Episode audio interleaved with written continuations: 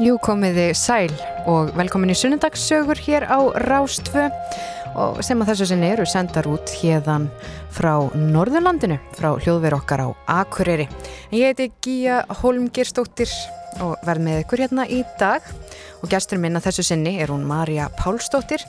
Hún er leikona og frumkvöðul og síðustu árin hefur hún staðið í ströngu við að koma upp setri um sögu Berglana inn í Eyjafjörðasvætt sem að eh, hún nefnir Hælið. Og um síðustu helgi þá var á hælinu frumsýnt nýtt sviðslista verk sem að ber nafni Tæring þar sem að Marja fekk til sín fullt af eldkláru listafólki til þess að búa til verk upp úr öllum þeim gríðarlega mikla efni við sem að hún hefur sangað, sangaðað sér um sögu Berglana á Íslandi. Og þetta eru persónuleg bref og ýmsar sögur sem að aldeilis þurfa að eh, bara komast út og, og, og það hefur hún Marja svo sannlega gert. Og í þessu verki sínu tæringu. Og við ætlum með þetta að spjalla við hana um uh, þetta Berglana og svo margt, margt fleira hér á eftir í sunnudagsögum og hún kemur hérna til mig svona upp úr klukkan eitt, hún Marja Pálsdóttir En við ætlum að halda hérna áfram uh, þangar til hún eh, sest hérna hjá mér og Marja með ljúfa tóna. Heyrum hérna næst í honum Stefáni Hilmarsinni, syngja um hvað veðrið sé gott og að sólinn skíni. Er það ekki fullkomið svona á haustrygningar degi? Þetta er lægið Súkulaði og Sikur.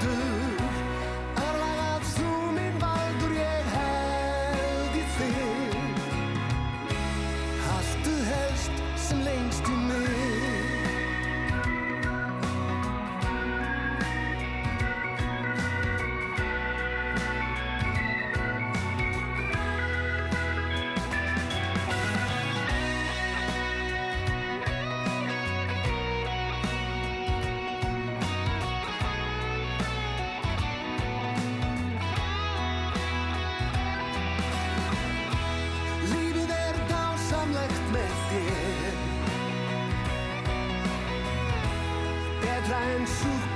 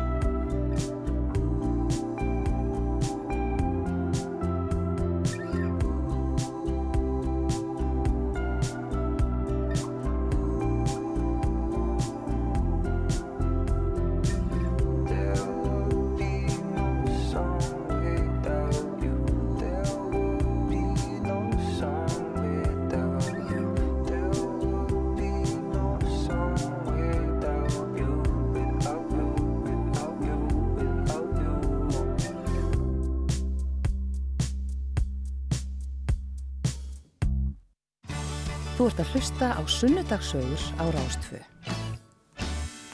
Já, við erum hérna í sunnudagshögunum og það er nú óttalega rigningar eh, svona legt um allt land þegar ég skoða hérna veðurkortið á eh, veður.is eh, vefsíðu veðurstofunar og í hugleðingum veðurfræðings við skulum nú bara fara aðeins yfir það og kíkja. En það er sem sagt vaksandi lægð sunnan úr hafi gengur ákveð norður yfir land í dag og hversir þá heldur og rignir á austur helmingnum en snýst í vestlega átt og rofar til þegar lægðin er komin yfir Norðurland. Lægð þessi er sem betur fyrir kvorki mjög djúb, nýja kröpp, þannig að vindar verða í lægri kantinum, það er nú gott að heyra. Uh, rignir þó af talsverðum ákafa á suð-austurhlutalandsins eins og í Mýrdal og Örafum en mun minna annar staðar. Á morgun snýst svo í fremur hæga norrlega átt og kólnardálitið, dálitið skúrir á víð og dreif sumstaðar og slittu jél fyrir norðan, en þurft að kalla suð vestan til.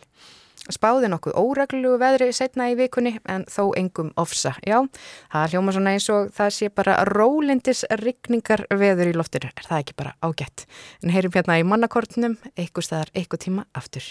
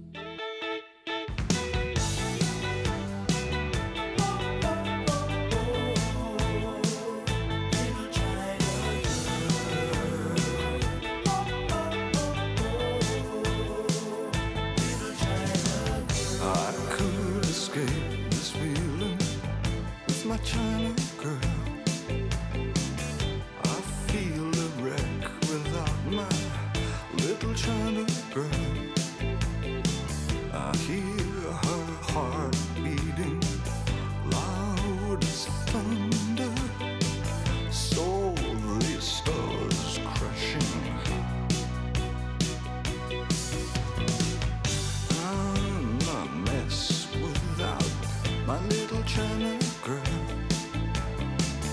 Wake up in the morning, my little China girl? I hear hearts beating loud as thunder. I saw the stars crashing down. I feel tragic like I'm when I look at my China girl.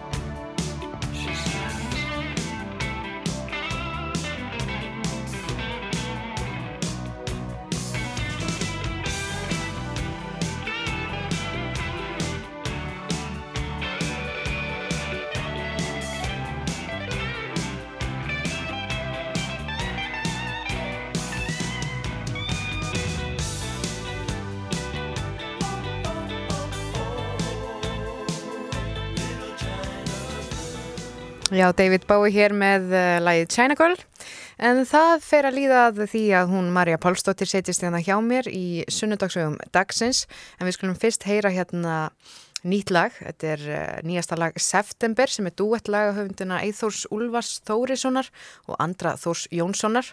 Og þetta lag heitir Hammer to Fall og Lægið syngur söngvarinn Birgir sem að gaf út einmitt sína fyrstu sóláplötu fyrra á árinu. Skulum heyra þetta lag þeirra og svo vindum við okkur beint yfir í spjallið við hana Marju Pálsdóttur.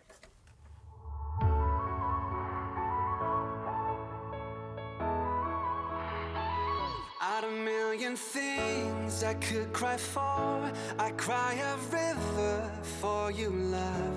I walk for miles till I can no more. I carry heaven to your door. And if you were here, I would cherish every moment, every minute. If you were here, I would dance with you till the morning comes again. Let you down. I don't know how, didn't care to be honest. Fell from the clouds. I feel it now, and I'm so very sorry. And I'm so gone. I feel lost without you, but all alone,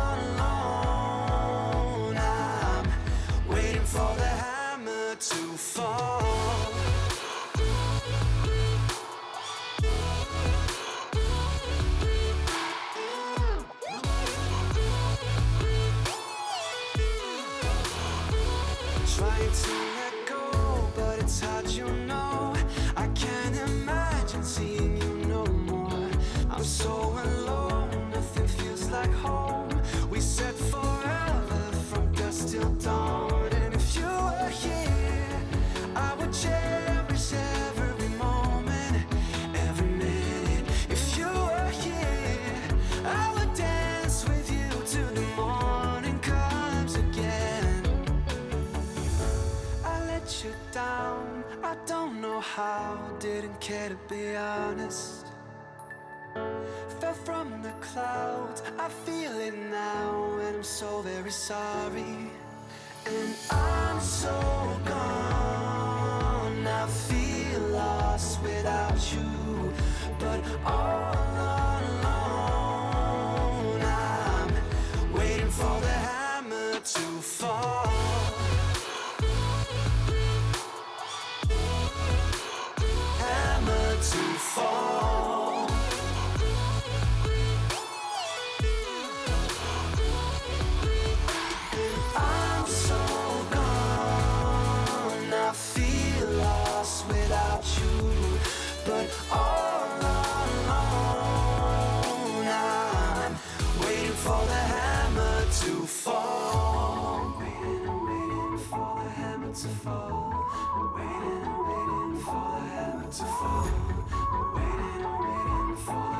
to fall.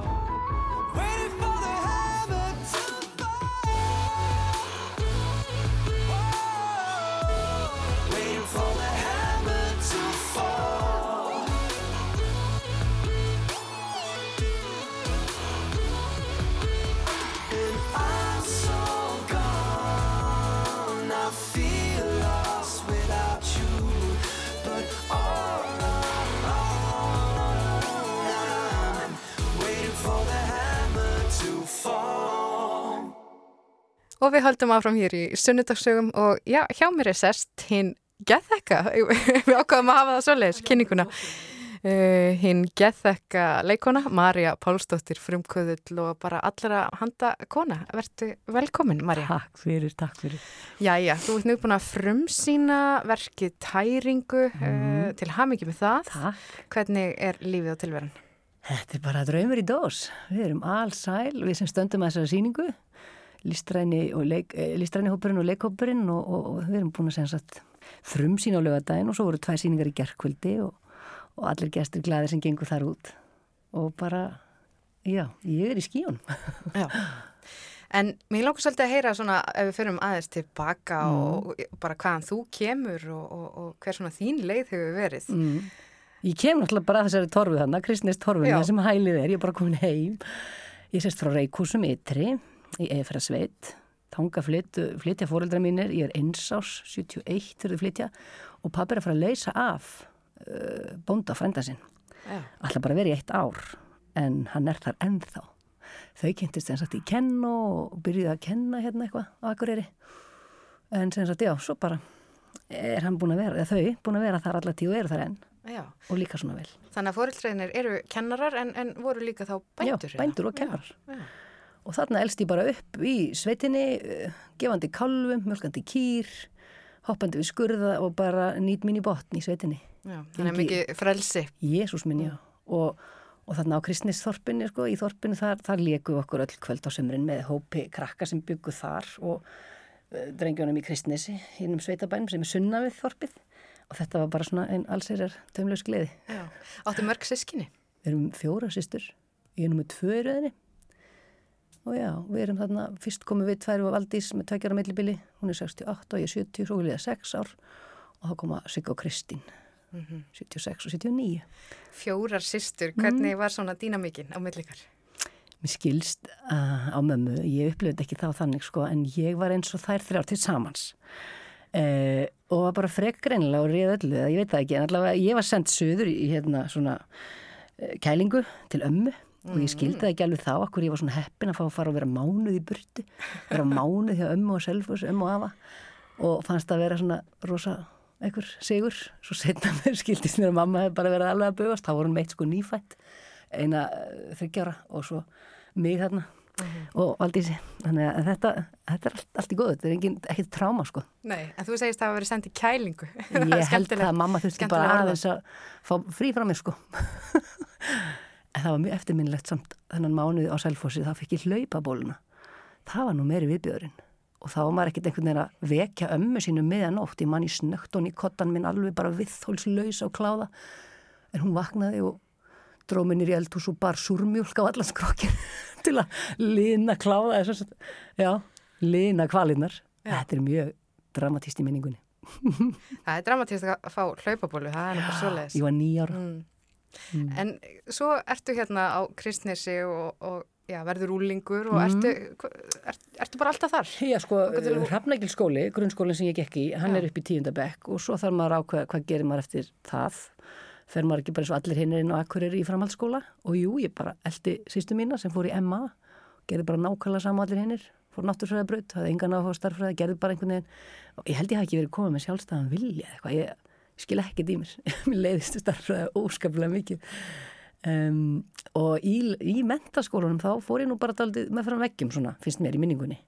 Ég var allavega ekki að ég þorði ekki í leikfélagið. Ég bara treysti mér ekki í það, mér finnst það ótrúlega heilland og spennandi en bara laði ekki í það. Fór aðeins að brölda með kórnum það var endar rosa gaman. En, en sko ég man einu sinni þegar ég var í fjórðabekk þá var ég búin að útvega mér sko umsóknareiðublaði í leiklistaskólan og ég horfði alveg á það og spáði í þetta en svo bara laði þetta til hliðar Já. og það treysti mér ekki En hvað leið svo langur tími þá til þú lést slag standa að að láta svona leðina já, leikun ekki- eftir einum rætast? það var eitthvað fimm ár sennilega því að ég fór í líðháskóla beint eftir Emma Já. var ekki alveg tilbúin að ákveða eitthvað svona langt nám, vildi bara taka eitt ár og, og kanna kannski betur enn að ljósmynda áhuga sem hafi kviknað í mentaskólanum vorum hann með svona myrkrakompu í Mörvallakellara og þar var ég doldið mikið að dunda. Á samt golla ljósmyndar og fleiri góðum. Og hérna fór sem sagt í líðháskóla á ljósmyndabraut og fekk mikla og góða kvartningu frá kennaranum en eitthvað var ég svona lítil í mér þannig að ég man ég ákvað bara á einhverjum tímapunkti jú, jú, ég geti þetta örugglega alveg en þetta er örugglega alveg rosaleg samkeppni. Ég ætla ekki í þetta. Ég ætla ekki í svona samkeppnisfag hugsaði ég Og hvað þá að vera leikona? en svo gerist það einhvern veginn aðeins setna og þá, einmitt, samkeppni hvað eða, veist, var bara, þá var ég greinlega ekki tilbúin hann um tvítugt. Já. þannig að ég fór í einhvern svona Evrópureisu með Millu Frængu þarna eftir líðháskólan kem svo vinn hérna á Kristnishæli sem svona bara gangastúlka og kynnist Þóru Magnúsdóttir hjúgrunafræðingi sem er á leiðinni til Afríku með alla sína fjölskyldu. Maðurinn að fóra undan og, og vann hjá sa, hérna, þróunastofnun saminuð þjóðana við fiski svona sjárótismál og hún og börnin voru á leiðinni hún með þrjú börn og mér fannst þetta svo ótrúlega spennandi ég fór að skrifast á við hana þarna úr Noregi þegar ég var í líðaskólanum og, og spurði hvort hana vantaði ekki pair eða eitthvað. Og hún svaraði og sagði, nei, mér vantar nú ekki pair en kondi bara að verður selskapstamman mín. Já, já, það er nú miklu betra starf, miklu betra starf. Og einhvern veginn, ég veit ekki, ég held ég hef ekki eins og ráðfært mig við Þóru.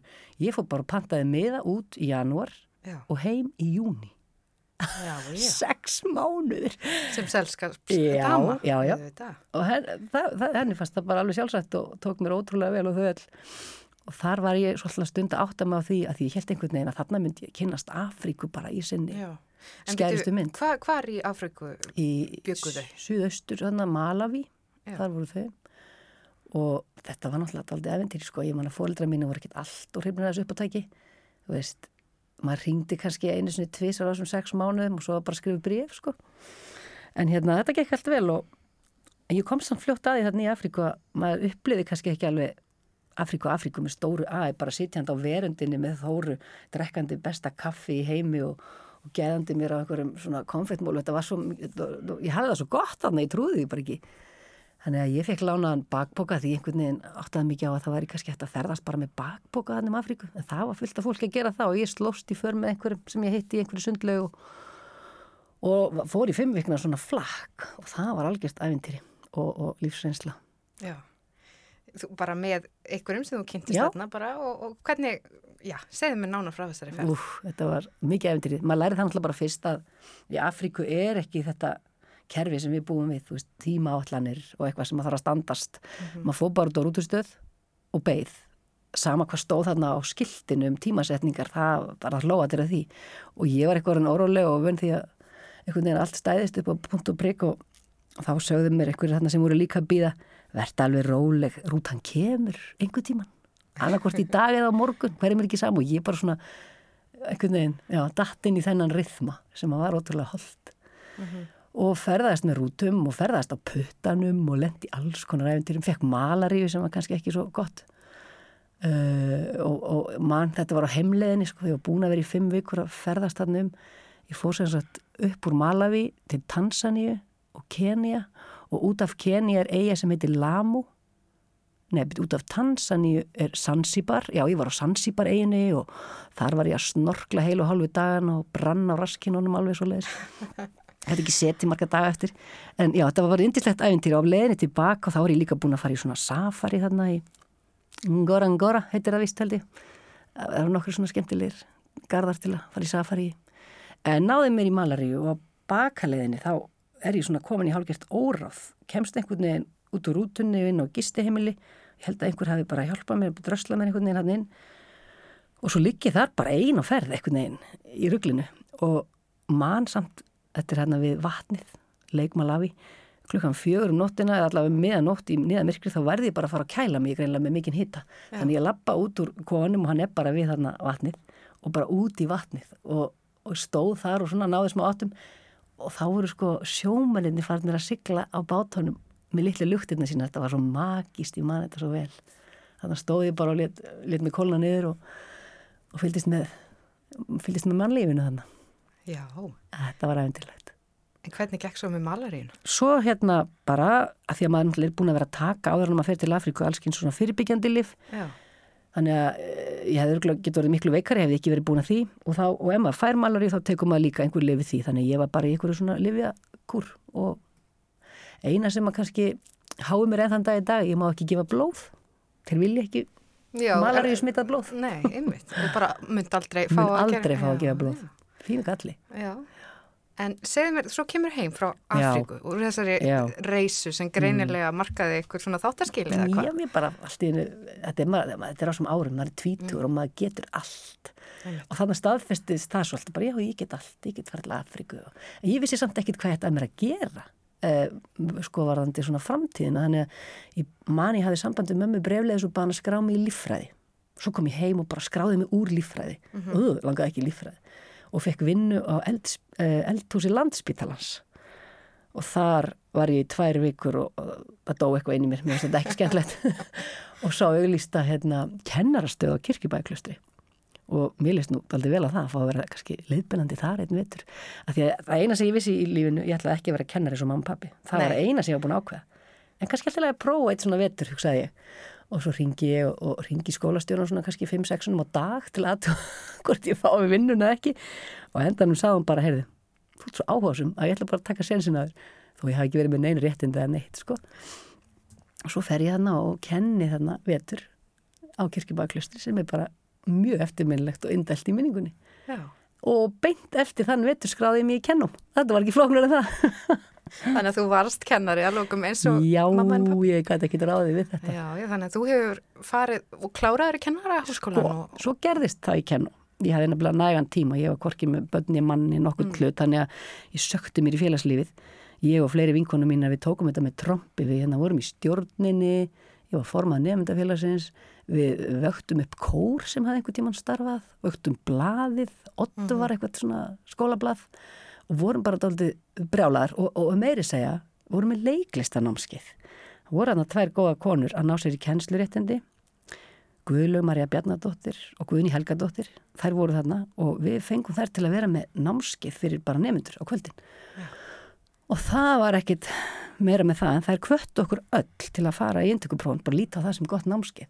Og við lofum nú bara því fyrsta árið og enginn gerði það en svo man ég að þær króðið mig af hann að setna árið út í hotbar og segðu Marja, ef þú ferði í inntökupróf þá skulum við hjálpa þér með monologin. Já. þannig að þær hafa kannski séð eitthvað þarna sem ég var ekki tilbúin að sjá, en lét, ég, ég, ég let mig segjast, fór í inntökuprófun og hafði svo sem engu að tapa, var alveg pollróleg, bara prjóna trefil hann og veist, þetta var ekki upp á líf og dauða fyrir mig, mér fannst þetta reynda gaman og spennandi en ég var í kenn og einhvern veginn og fannst ég þurfa að klára hann. Mhm. en kannski að því að ég var svo afslöpuð þannig að ég sem og þá þurfti ég bara ákveða mig, býtu, já, ok En hvernig var svo að fara alltaf, þetta eru nokkur skref þessi mm. leikari indökupróf og þú kemst alltaf nær og nær einhverju takmarki og þetta er spennandi. mm. Hvernig leiðir þegar þú varst komin bara í loka úrtak og svo allt einu inn í skólan? þetta var náttúrulega bara fáralegt allt saman, mér, ég, var einhvern veginn bara var kannski ekkert mikið að velta mér upp úr sem ég veist, þetta var bara gaman og, og gaman að sjá hversu langt maður kæmist og svo bara, ups, komst ég inn og ég man að ég var með svo mér, að því mér fannst þetta svo gaman, þá man ég þegar við fengum afhent sko umslögin. Og erum við hann upp, upp, upp, upp í matsal og sölfólkskötu og og ég segi eitthvað áður en við opnum umslögin. Ótrúlega eitthvað kennarasleikilegt að bara að þessi búið að vera svo ótrúlega skemmtilegt að ég vilji bara fyrir hönd hópsi stakka domnefndinni fyrir, hvað, veist, ég var alveg þarna sko, bursið frá því hvort ég kemist inn eða ekki, þá var ég bara búin að skemmta mér svo mikið. Þannig að ég held að þetta hafa farið fyrir brjóstuð einhverjum því að það var engin í stöðu fyrir eitt en eitt svona, það voru allir einhvern veginn á tauginu að opna brefin sín. En já, svo var þetta bara Já, býtu, hvernig, hvernig var þetta framkvæmt? Þið stóðu fyrir Ég dómnefndina við fáum opnuðu bréf, bréf? fengum bref afhend, mm. sumir bara opnuðu strax og fóru, fóru þagna eða gráta, aðrir hlupi bara út og gátt ekki að opna þetta fyrir fram að neitt, það var allir gangur af því. Já, Ég man ekki alveg hvað, ég held að ég hef nú eitthvað að fara út á bílastæði líka og opna mitt þar, já. En fannst vissara að þakka fyrir eitthvað svona, en ég leið bara þannig, mér finnst þetta ótrúlega skemmtilegt. en þú hefur ákveðið að láta slagstanda, fara í, í, í, í leikaran Mér fannst, það ekki, áfram. mér fannst það ekki spurning, mér fannst þetta svo mikið tækifæri. Ég man að pappi var eitthvað, vilt ekki freka klára, kenn og, og ég bara, nei, nei, það gengur ekki. Þetta er ekki tækifæri sem endilega býst aftur. En svo kláraði ég bara að kenna og setna í fæðingarólofi. Þannig að þetta er allt saman. Já, þannig að þú ert leikona og kennari. Já. Þó ég hef nú ekki mikið notað þessi kennsluréttindi þannig lagað nema að ég hef kent leiklist. Já. En hvernig voru svo árin í, í leiklistaskólanum? Nó, voru Voru þetta bara náttúrulega... alltaf gaman eins og indugprófin? Þetta er náttúrulega bara rússi bani, maður er í svo bullandi sjálfskoðun og, og einhvern veginn í miklu svona, mikilli nálagð. Mér fannst þetta ótrúlega holdt og gott. Allur þessi spuni, allt þetta, ma maður er alltaf með hjarta utan á einhvern veginn. Þannig að, og svo náttúrulega eignast maður hérna góða vini. Þó að minn bekku sér kannski ekki svo samheldnast í bransanum, þá þykir okkur ólega vænt svona innst inni um hvert annað. Það Já. er bara þannig. Já. En hvernig, svo útskrifastu og ferðu strax að vinna sem leikona eða? Fór eða- beint hérna norður, Já. debuteraði hérna í samkómusinu 99 í, í hverju? Í hérna klukkustrengjum, eftir Jökul Jakobs. Já, já. Já. Og flyktust heimamenn í samkomus að sjá.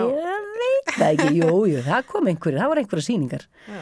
Svo var ég hérna allan veturinn á samningi, Sigurður Róasson var þá leikustjóri og ég man eftir þetta fyrsta ár það hugsaði, býtu, er þetta allt og sömt? Ég fæ handrit, æfi í tvo mánuði, síni 10-20 sýningar og svo bara om igjen. Þannig að mér fannst þetta alltaf bara ekki alveg málið uh, og skellti mér til Finnlands í mastersnám í leiklist Já, sem átti að vera voða experimentalt en en var það kannski svo ekkert. En, en samt, það var, það, var, na, það var mjög gott að ég fór því að annars hefði ég aldrei verið með í norræna leikhópum súpfrá. Já, og hvernig er sáleikopur?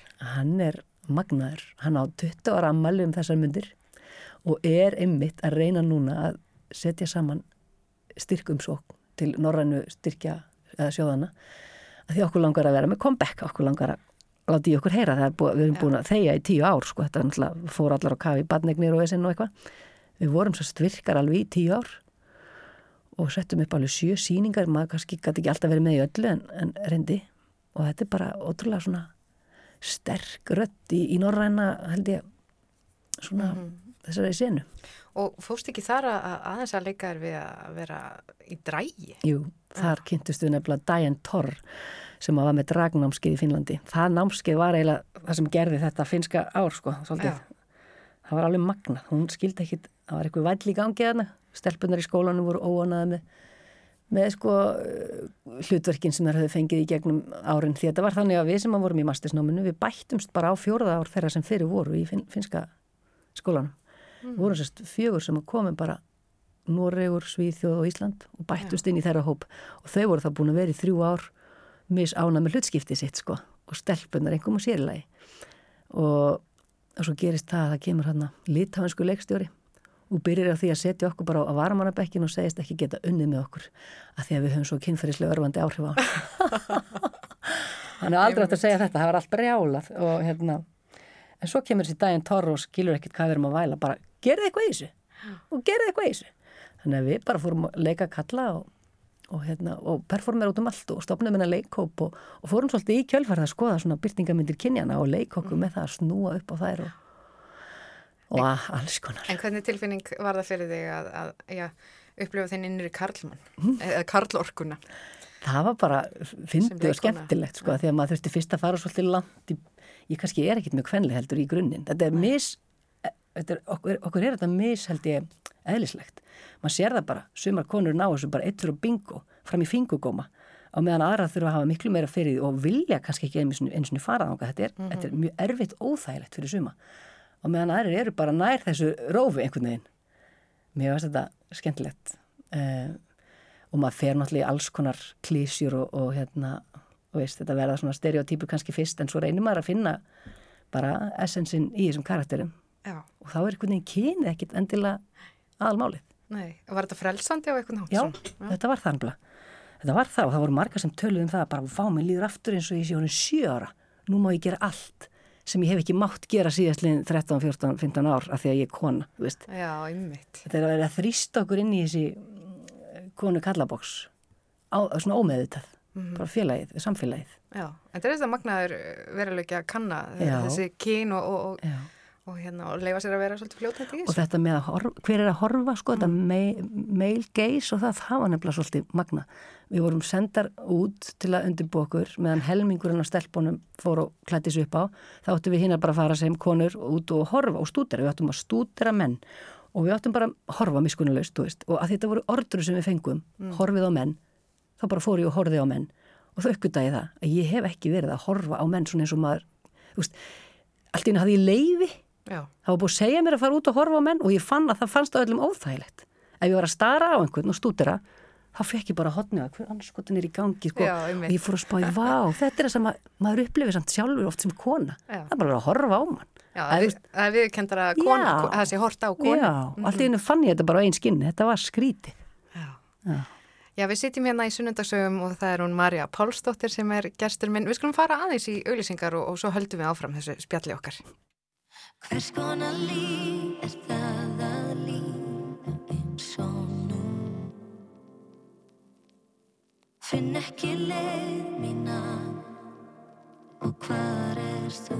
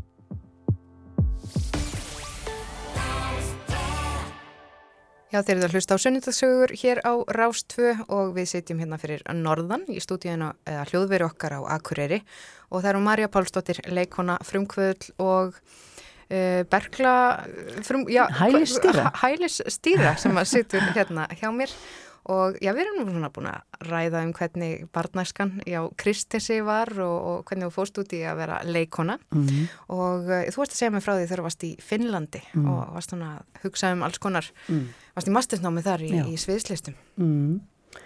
en svo Það- kemur heim væntanlega. Já, bara svo kom ég heimbynd bara aftur í norður að leika annað ár og var svo ólétt og fór og var hjá manninu minnum í Svíþjóð í Lundi í fæðingarólofi mm. og kláraði kennara, uh, þriða kennara uh, árið þarna. Já, þá, þá klárar loksins Já, og þá kenna gerði ég lokaritger sem fjallaði mitt um leiklist í grunnskólum. Þá hefði verið búin að gera smá rannsókn, kanna það, hvernig leiklistarkennslu væri háttað í grunnskólum í Reykjavík. Og af því að ég held nefnilega að leiklist sé svo ótrúlega öflugt, eða svona, hvað segir maður? Ekki vopn. Þetta er bara svo öflugt í, í allri mennsku bara að hérna, í gegnum leiklist þá þarftu náttúrulega að vinna með öðrum þannig að þú veist það er samvinna og það eru samskipti og svo þarftu að fara að setja því spór annara þannig ég einhvern veginn, ég var svo frels á þessum tíma og ég er, undar, ég er ennþá samfærið um að leiklist sé bara, ekki kannski upp á endir alls en sé svo bráðnöðsynlegt í okkar skólakerfi og bara fyrir sem flesta af því að þetta er svo, svo holdt og gott. Þetta er einhvern veginn, þú ferð út fyrir það endaraman kannski svolítið með því að, sko, að sigrast á allum þessum óta og framistöðu kvíða sem allir nánast eru haldnir og hérna þannig að ég, ég hef tröll að trú á leiklist og, og nú er ég allt í nú bara komin í þá stöðu að vera skólastjóri í leiklistaskóla leikfélags Akureyrar sem er svolítið fyndið mér stjóra koni í ring Já, ummitt. það er svolítið, þú tekur að þér alls konar hluti, það er eins og þú sért óhrætt við að takast á við nýjar áskoranir, skulum við segja. ég, í setni tíð, ég hef kannski ekki alltaf verið svona Mm. hugrökk en mér, bara ég ákveð líka þegar við vorum að við Óli maðurinn minn byggðum hús í Moselsbæ, ótrúlega flott hús og leð velar og með gras á þakinu og þetta var allt eitthvað svo yndislegt. En við vorum alveg búin að segja við okkur, við skulum ekki láta steinsteipu fest okkur eitthvað. Já. Látum aldrei svona fastegn haml okkur að láta eitthvað að drauma rætast. Þannig að þegar þessi hugmyndum hælið kviknaði, þá var mjög auðvelt að sannfara hann og börnin um að bara flytjum norður, seljum húsið. Sem var nýbyggt eða ekki? Já, svona nýju og nýju, við vorum ekki alveg búin að klára, það var svona nýju ár, við vorum búin að vera hann í nýju ár. En það er eins og það er, það klárast ekki alltaf nóinu, allavega ekki okkur. Nei.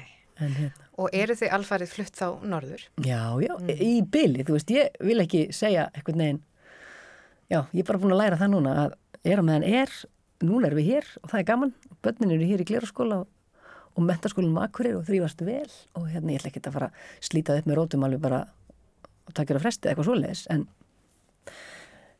ég fekk nefnilega hugmynd um daginn ég var að viðrana við Óla ég þarf að skreppa til Argentínu og læra tango þetta er svona kannski á 20-30 ára planinu, þetta þarf ekki að gerast á morgun Nei. Nú langar mig aðeins að vita svona, hann Óli, mm. eh, maðurinn mm.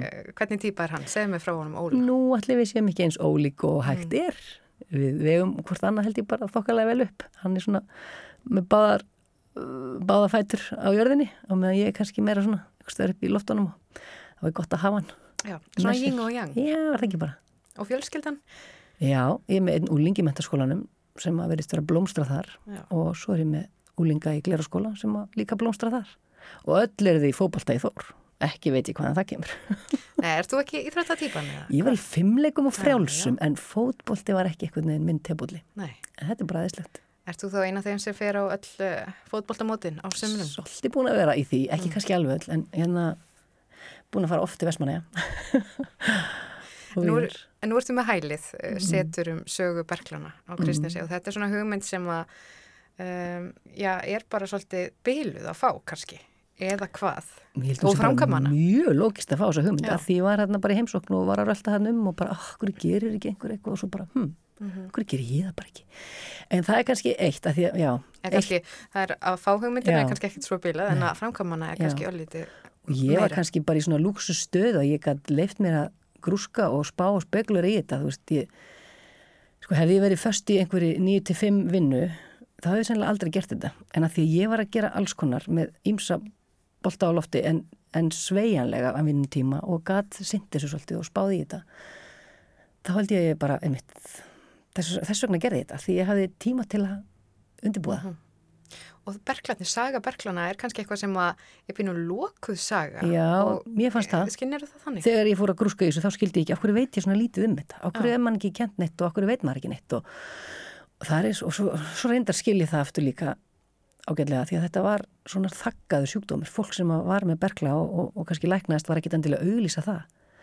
Þetta kannski tengist pínu COVID skömmin í dag, þú veist, smitt skömm. Þú vildir ekki, að því að heimili voru oft stimplu bara berklabæli og þú átt ekki að fara að leika þér við krakkana þarna og, og ekki umgangast þennan og ekki ráða þennan í vinnu og ekki leia þessum húsnæði. Þetta var bara, bara ekkit auðvelt og þess vegna var þetta kannski bara svolítið þakkað og, og já, hulið.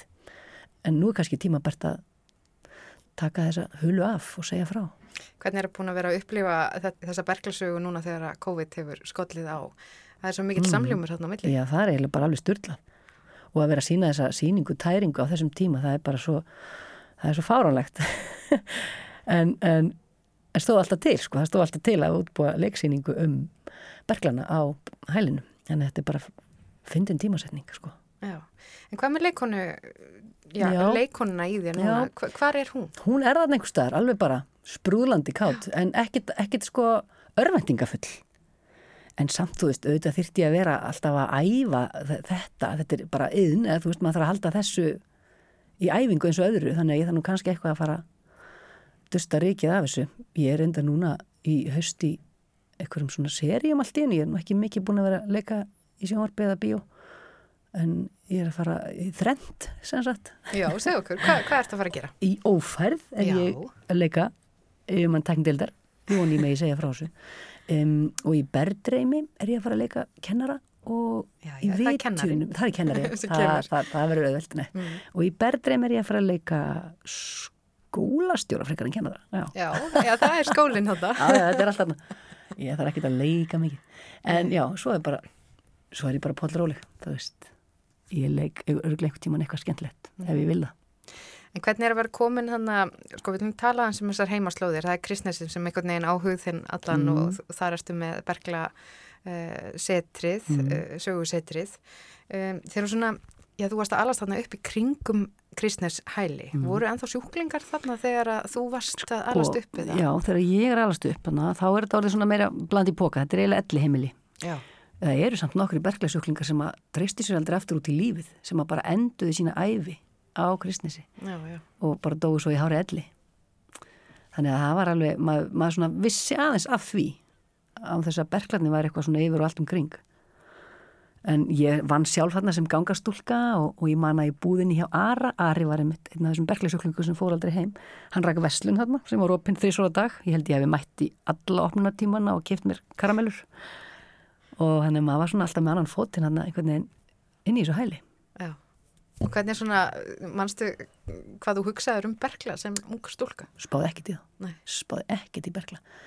Um, en, en svona, já, en áttaði mig, ég veit ekki eins og hvenær ég gerði mig grein fyrir þetta hafi verið berglahæli því þetta var alltaf bara kristnishæli, þetta var alltaf bara elli heimili þegar ég er alast upp. Ég er ekki eins og alveg vissum hvenær ég áttaði mig á því. En hérna, þetta er bara svo flott hús og þetta, þetta, var, allt svo, þetta var allt svo grand og fínt þarna í minni bernsku, öllu vel við haldið og, einhvern veginn glæsilegt. Blóm með fram öllum stígum alltaf allt nýmála, það var svo mikið að innæðmennu sem bygguð hana og fjölskyldur þeirra í þessum húsum hana. en svo breytist þetta þannig þegar sjúkráðs og akkurir fekk þorpið í fangið sko og ekki nægilegt fjármagn en þá fór húsin að láta á sjá. Og þar kem ég inn sko með hugmyndina. Hvernig væri nú að gera eitthvað hérna? Já. Og þetta er svona hluti af já, ferðamennsku líka þarna inn í eigaferðasveit Já. og er ekki margt að gerast Jú, akkurat ég er einmitt bara í, Jú, þar er ég á einmitt þessu svæði? komin í stjórn ferðamálafélagsins sem eru mjög öflugt, það er allt að gerast. Við, við erum að útbúa matarstík Helga Magra. Já. þar eru matvælaframleðendur og ferðarþjónustöðala svona tengja sér saman uh, kaupum veist, eggin á ranastöðum og fáum þeir send með vistvætni dreifileið, þú veist, ramaspílinn kemur með eggin. Já, ég má já. vera með því að því að ég nota svo mikið rjóma sem er náttúrulega kannski ekki akkur út úr eigafyrði en þetta er bara mjölkur þetta hér að landsins eiginlega. Að, og svo nota ég líka rababara úr garðinum og, og gerir rababara svolítið í hjónabandsælun, þannig ég má vera með. Og við erum með sérstakt kaffi sem að kaffibresla hérna á Akureyri malar og brennir fyrir okkur sem heitir Helga Magra kaffi. Og, og þetta er bara eitt af mörgu sem er í gangi og þessi matastígur er stendur fyrir hérna bændamörguðum hafa verið á Rafningils hérna, stjettinni í, í sumar og verða núna í Laugaborg bara sveimir þá núna þessa helgi jafnvel. Já. þannig að það er margt að gerast og það eru margir hérna öflugir að gera góða hluti.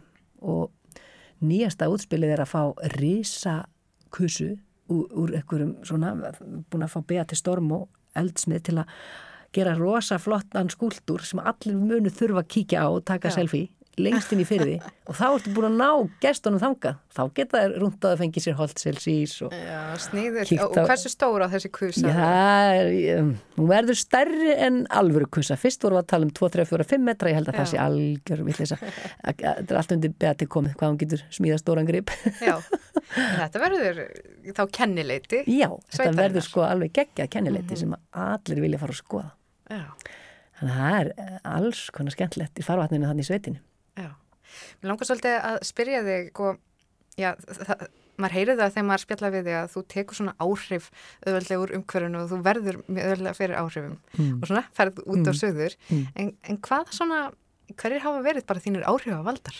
Wow. Stór spurning Vá. en skemmtileg. Það var bara alltaf skemmtilegu ljósi á manneskjur. Áhrif að valdar, hvernig á ég að svara þessu? Ég veit bara, ég fyrir strax að hugsa um Siggumu Já, sem að var ótrúlega yndislega kona og sem að var alltaf, með, var alltaf, tíma og, og, og svona plási hjartanu fyrir mann og sagði við alla svo fallega lilla hjarta mitt. Og þangað er ég eiginlega komin í dag. Þetta snýst eiginlega einhvern veginn allt um það að vera góður að vera góður við næsta mann, við nákvæmnan við börnin, við flotta fólkið. Þú veist bara einhvern veginn við erum hérna saman á þessari blessuðu plánutu getum við bara reynd að vera næs og þú veist, þá er þetta allt í góðu þá verður, þetta allt í lagi þannig að þetta er nú frekar banalt kannski en hún er kannski áhrifavaldur hún sigga leikama og örgla svo margir í viðbútt sem þetta er ekki hug núna sko nei. Nei.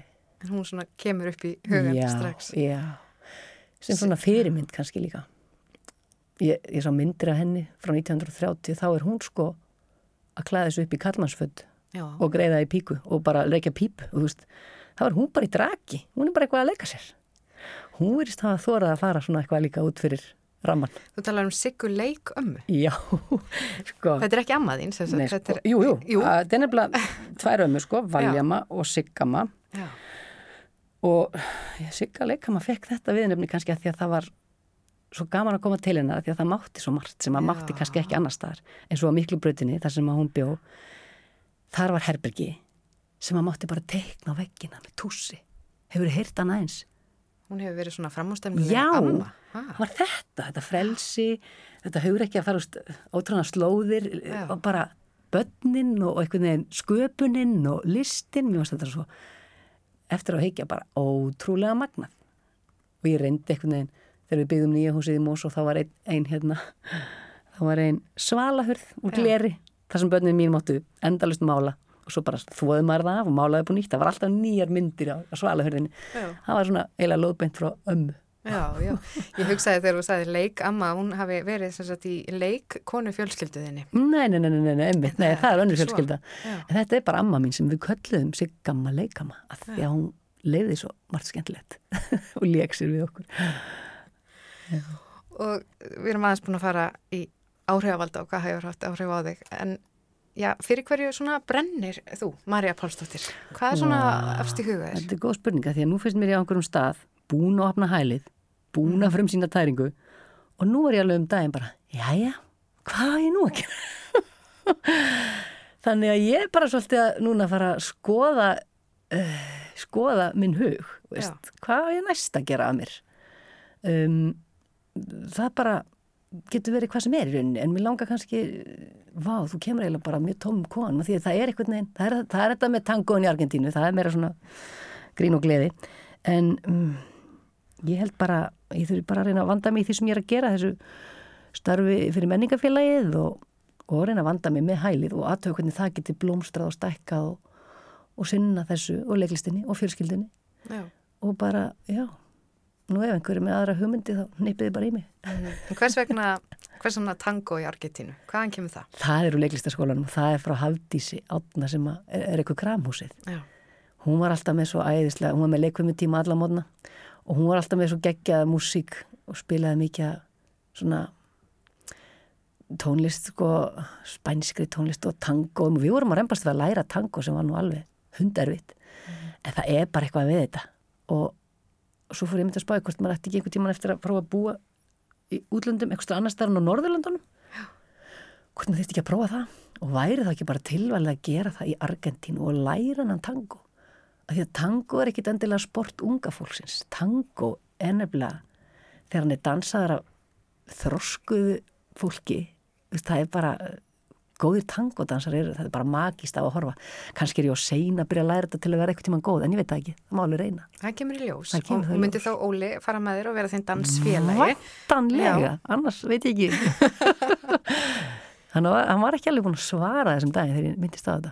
Uh, ég, þarf að, ég þarf að fá svar Já, það er nú allavega svona býði að þið farið svona miða við ástandið í heiminum og svona, Já, þannig að einmitt. hann hefur tíma Já, til að hugsa þetta en nú er nefnilega, nú er maður hættur að láta sér dreyma svo mikið um útlönd einhvern veginn þannig að nú er maður svolítið bara að rekta svona allt hérna í nágranninu, reyna að vera svolítið næjusamur þannig Já, hefur, finnur ykkur breytingu svona hvernig þú hugsa um bara Ísland og að ferðast Já, sko, ég er einhvern veginn rólegri. Ég finn að þetta var bara svona eftir á að hekja, kannski pínu álag. Mhm. Að vera alltaf að plana næstu ferð eitthvert. Já. Hvert eigum við nú að fara, eigum við ekki að fara með börnin eitthvað á veist. þetta var svona bara stögt einhvern veginn undir niðri, eitthvað, pínu álag. Já. Þetta er bara farið. ég bara spá ekkert í þetta. Ekki allavega í bílu og þá er maður bara svona slagari í þessu hér að vera. Já, ég misti þetta bara breyttur heimur eiginlega. Mhm. En hvað hva ætlar þú svo að gera, nú er sunnudagur, Mm. Hvað verður svo framöndan í dag hjá þér? Ég er bara að fara beint á hælið, við opnum klukkan tvö, ég fer að steikja vöflur og fer í búningin, setja á mig kappan og býð gestir velkomna. Þú er sem sagt í leikonu stellingunum en þá á hælinu. Já, ég er í búningi, ég er samt ekkert mikið að leika, ég er bara að taka vel á móti fólki og heilsa öllum með kurt og bí og læta öllum líða vel. Já. Þannig að það eru vöflur og rjómi framöndan Já, og, og hjónabandsæla og hjónavand og partarnir frá tengdó með reyktum sílungi frá Mývasveit. Þetta er svo fullkomin sunnudagur. Þetta er það, um Mm. að gera, fara í sveitarúndin. Já. En uh, ég bað þig um að velja eitt lag og ég held Mm. að uh, ég hef nú allavega svona heyrt á þér að þetta tengist kannski þessum Argentínu draumiðinum eða hvað. Allir sé ekki örgulega hægt að dansa tango við þetta. Mm. Ég þarf bara að skoða það. Þetta er hérna Piensa en mí með Tjavelu Vargas. Hún er einmitt svona, allir hún sé ekki dáin núna. Hún er allavega mjög gömul þegar hún sönga inn á hann disk og hún er bara með svona gamla hása rödd og, og það er svo mikið tilfinning í þessu og þetta er bara svo stórkoslegt. Og eitthvað tíman tóku við Óli áskorun, vinkon okkar Toppa, Þorgiru Sigurdóttir var fara að gifta sig, sveinbyrni sínum og bað okkur að syngja upp á slæði sitt og Óli masteraði þetta á gítar og ég bara gargaði þetta upp á sviði með minni rödd. það var aldrei gaman. Við skulum klára þetta á þessu lægi sem þú valdir en takk fyrir komin að hinga í sunnudagssögur Marja Pálsdóttir, leikona og allt múlíkt kona og gangið vel á hælinu. Takk. takk fyrir komin. Takk fyrir mig.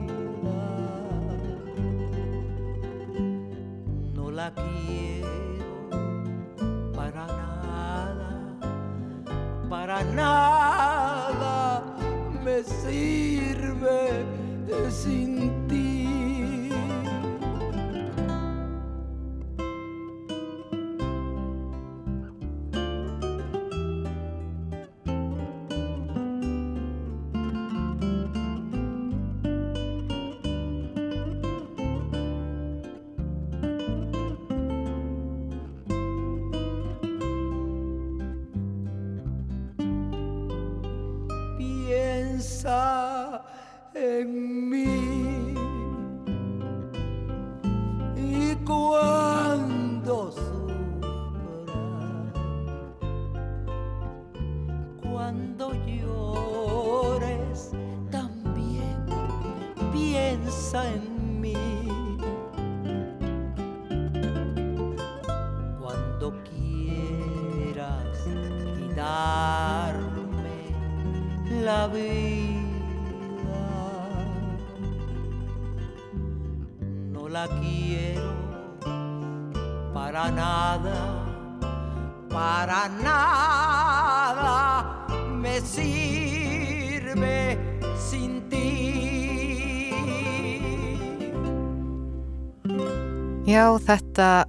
var hún Tjavela Vargas, óskalag hennar Marju Pálsdóttur sem að satt hérna hjá mér í sunnudagssögum dagsins. Hún er leikona og hælistýra og setur um sögu Berglana og það var einmitt uh, frumsýnt um síðustu helgi, mm, sviðslistaverkið Tæring, þar sem að Marja fekk leikhóp til þess að bregða sér í hlutverk sjúklinga og, og hjúkuruna fólks á hælinu og þar er sögð uh, saga Berglana. Það er áhrifamikil saga sem að, já, flestir ættu svona að uh, kynna sér, myndi ég segja. Hefur haft mikil áhrif að, að kynna sér, allavega að fara þarna á hælið til Marju. Það er sögusýning og hún er einmitt bara hlaupin, þóttinn út og er að fara að steikja vöflur og meira til og hafa það hugulegt. En það er komið að lokum hérna hjá mér í dag. Ég heiti Gíja Holmgirstóttir og það er hún Andrea Jónsson tekur svo við hér með pressuna. En ég þakka fyrir mig í dag og verði sæl.